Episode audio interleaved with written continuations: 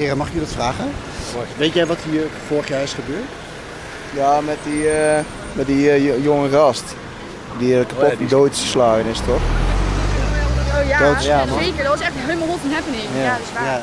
Ja, ik wist niet dat het ook echt precies op deze Nee, plek ik ook was. niet. Nee, ik ook Ah, niet. We wisten dat het op Mallorca was en Ah, ook wel bij de strip, zeg maar. Maar ja, niet per se welke meter het was. Zeg maar. Nee. Mijn ouders hebben het wel gezegd. Mijne ook. Mijn ouders hebben het ook gezegd. Ja, maar wat zeiden jullie ouders dan?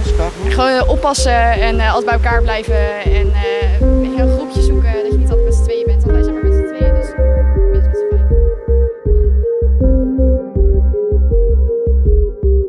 Lopend over de strip ontkom ik er niet aan. Jongeren die even helemaal weg zijn van de regels van hun ouders. Op het terras drinkt de een zijn kater weg van de avond ervoor, terwijl de ander zijn roes uitslaat op het strand. Mallorca heeft het allemaal: zon, zee en uitgaan. Van deze gezelligheid is in de zomer van 2021 niks te merken als Carlo Heuvelman met zijn vrienden in een vechtpartij belandt. Carlo wordt die nacht zo zwaar mishandeld dat hij vier dagen later in een ziekenhuis op Mallorca overlijdt. Beelden van de vechtpartij verschijnen op geen stijl en de zaak wordt groot nieuws in Nederland. Omdat er toch wel eh, de geruchten gaan dat ze uit rijke gezinnetjes komen en dat het een beetje weggemoffeld wordt. bij mij gaat het meer. Waarom is er na een jaar nog steeds zoveel onduidelijkheid in deze zaak? Wat klopt er van alle geruchten over de verdachte? En wie is verantwoordelijk voor wat er met Carlo is gebeurd? Mijn naam is Joris Peters, misdaadjournalist bij nu.nl. Je luistert naar Het Geheim van Mallorca.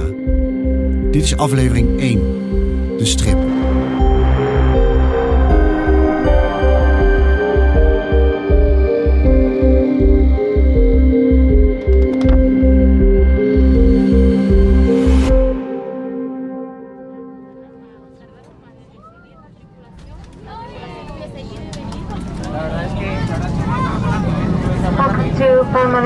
Where the local time is quarter past 8 p.m. De Palma de Mallorca.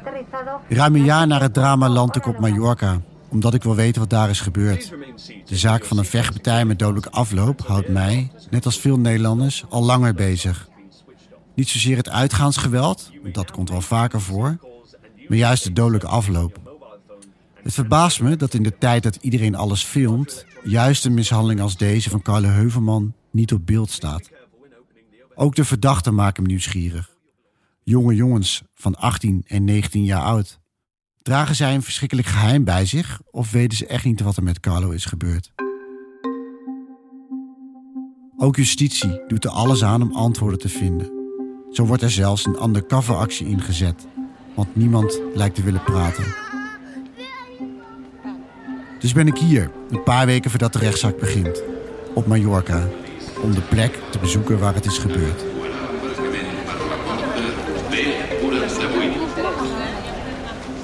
Ik heb afgesproken met Marcel. Marcel is een Nederlandse politieagent die hier op Mallorca hulp biedt aan de Spaanse politie. Ik heb afgesproken dat ik mee mag lopen met Marcel over de strip. Ik ben benieuwd of hij veel wordt aangesproken naar wat er met Carlo is gebeurd. Maar als ik op mijn telefoon kijk, zie ik een bericht. De afspraak gaat niet door. Niet iedereen binnen de politie blijkt blij te zijn over de geplande ontmoeting. Waarom precies krijg ik niet te horen, maar van een gesprek met Marcel komt het niet. Een slechte start. Als ik in mijn hotel aankom, is er ook goed nieuws. De Spaanse politie op het eiland is na mijn eerdere verzoek wel bereid om met me te praten en wil vertellen over het onderzoek dat hier een jaar geleden plaatsvond. Soy de Salamanca, de la ciudad de Salamanca, y entré en la policía hace 20 años. Llevo 20 años de. Al snel word ik in contact gebracht met Juan Thomas Macias. Juan is al 20 jaar werkzaam bij de Spaanse politie en sinds 6 jaar op Mallorca. Als iemand me meer kan vertellen is het Juan. Hij is namelijk de rechercheur die het onderzoek naar de mishandeling van Carlo heeft geleid. Mm, Pues mm, yo me enteré, o sea, llegó a nuestro conocimiento Via een Nederlandse tolk vertelt Juan dat hij in de ochtend van 14 juli hoort over een vechtpartij voor een kroeg genaamd de Bier Express. Op zijn bureau ligt een notitie. Poging tot doodslag op El Arenal. Daders onbekend.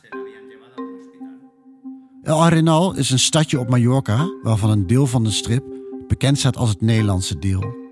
als ik langs het strand loop, zie ik namen als de Heren van Amstel en klinkt Hazes geregeld uit de boksen van de verschillende kroegen. Juan krijgt te horen dat Carlo in coma ligt, in een ziekenhuis net boven El Arenal. Maar wat er precies met hem aan de hand is, weet hij niet. Daarom vertrekt hij als eerst naar het ziekenhuis. Daar spreekt hij met de artsen die Carlo behandelen. Hij heeft zijn neus gebroken en er is sprake van ernstig hersenletsel.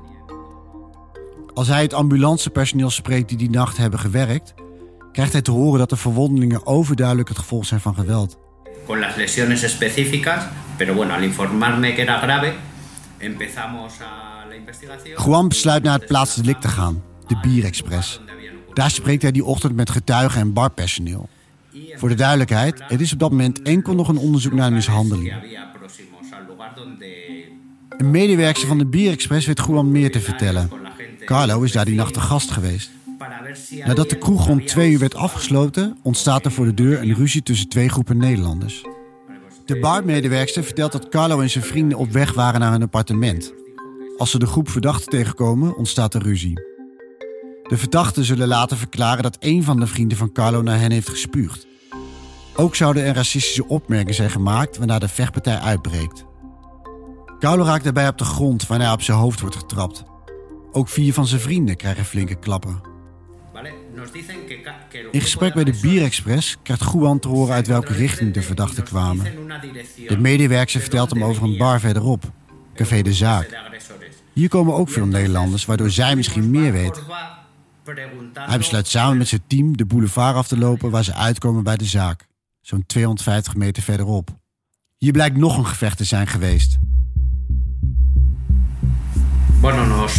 Pudimos, cogimos las cámaras de grabación. Bij de zaak worden directe camerabeelden opgevraagd.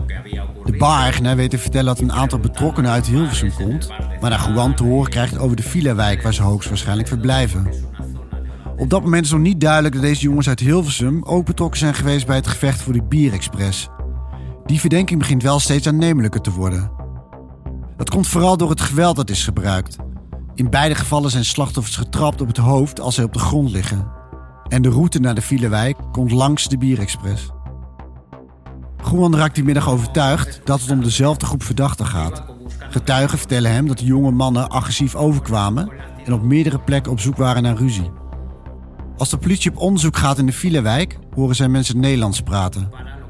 Als de politie duidelijk maakt dat ze op zoek zijn naar een groep jongens die betrokken waren bij een gevecht, wordt een van de villa's aangewezen. De politie belt aan, maar niemand doet open. Er wordt contact gelegd met de verhuurder van de villa, die vertelt dat hij meerdere klachten heeft gekregen over de groep. Hij belooft de gegevens van de jongens op te gaan zoeken, die hij de volgende dag overhandigt. De jongens blijken dan al vertrokken te zijn in Nederland, een dag eerder dan gepland. Se habían vuelto a Holanda, habían regresado a Holanda antes, porque ellos tenían billete para volver el viernes por la mañana. Slechts één iemand van de groep blijkt nog op het eiland. Hij wordt op vrijdag 16 juli opgepakt op het vliegveld, vlak voordat hij het vliegtuig in wil stappen. Hij geeft gelijk toe dat het zijn vrienden waren die betrokken waren bij het gevecht met de vriendengroep van Carlo. Alleen wie Carlo heeft mishandeld, zegt hij niet te weten. Juan benadrukt dat de Spaanse politie op dat moment in het onderzoek niet veel meer heeft dan namen en verdenkingen van geweldsdelicten. Dit verandert als Carlo op 18 juli overlijdt, waarna de Nederlandse politie al snel het onderzoek overneemt. Het NOS Radio 1-journaal. Het Nederlands Openbaar Ministerie gaat onderzoek doen naar de dodelijke vechtpartij op Mallorca, waarbij de 27-jarige Carlo Heuvelman uit Waddingsveen om het leven kwam. Een groep jonge mannen uit Nederland van tussen de 18 en 20 jaar zijn verdacht. Zij verlieten na de vechtpartij snel Mallorca. Enkele dagen na de dood van Carlo verschijnen er beelden gemaakt van het gevecht door omstanders op geen stijl. Het is een video waarop te zien is hoe iemand bewegingsloos op de grond ligt en een trap lijkt te krijgen. Even wordt gedacht dat het Carlo Heuvelman is, maar het blijkt zijn vriend Gabier, die 10 meter verderop ligt. Als de camera naar links draait, zie je Carlo liggen. Wow. What the fuck, maat? Er moet 1 gebeld. Hij is. Holy shit, maat. Er waren die fatale nacht veel mensen op straat. Als ik Juan vraag hoe het dan kan dat niemand heeft gezien wie Carlo heeft getrapt, legt hij uit wat zijn ervaring als politieagent is. Hij vertelt dat omstanders van een vechtpartij zich niet graag willen mengen in het conflict, maar ze blijven wel uit nieuwsgierigheid kijken.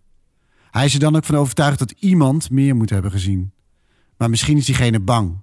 Want iets gezien hebben is één, maar het aan de politie vertellen is een tweede. Quizás todos no lo sepan, pero, pero ninguno tampoco. Wat Juan wel zeker weet, is dat de verdachten meer weten dan ze vertellen. Misschien niet allemaal, maar er is zeker iemand die het weet. Uit zijn onderzoek komt in ieder geval één hoofdverdachte naar voren. Sanil, Sanil, Sanil. Ese es, el chico de, 10, de 19 años. Sanil B. Hij is degene die volgens de Spaanse politie het meeste geweld heeft gebruikt bij het gevecht voor Café de Zaak. Juan ziet Sanil als het hoofd van de groep. Daarnaast wordt hij al vechtend herkend op beelden die omstanders hebben gemaakt. Volgens Juan is er sprake van een patroon.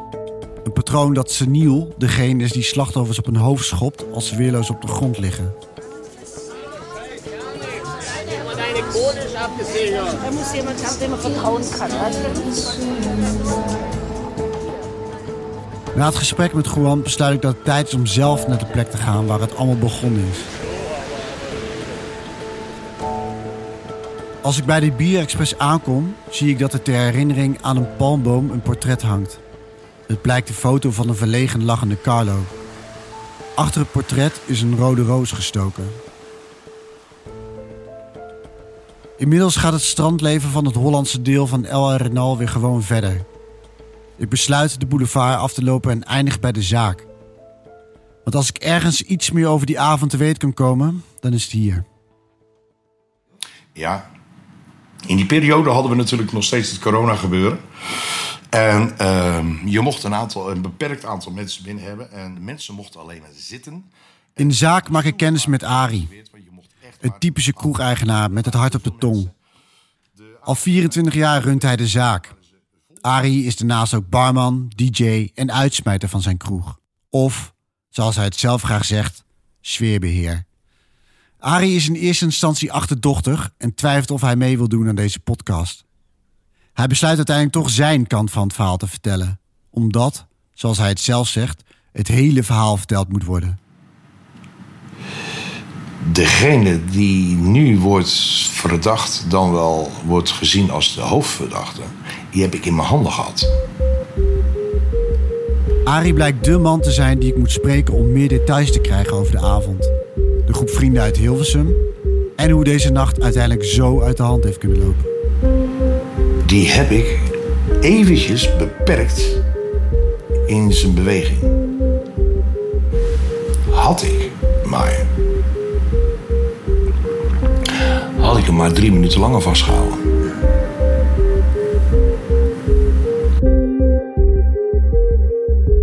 In aflevering 2 van Het Geheim van Mallorca, die je nu direct kan beluisteren, hoor je het verhaal van Ari over hoe alles is begonnen.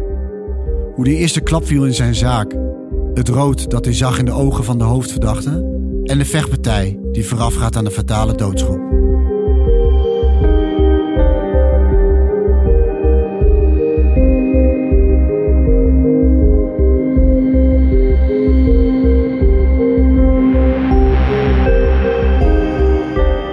Van Mallorca is een podcast van nu.nl en wordt geproduceerd door David Achter de Molen van het podcastkantoor.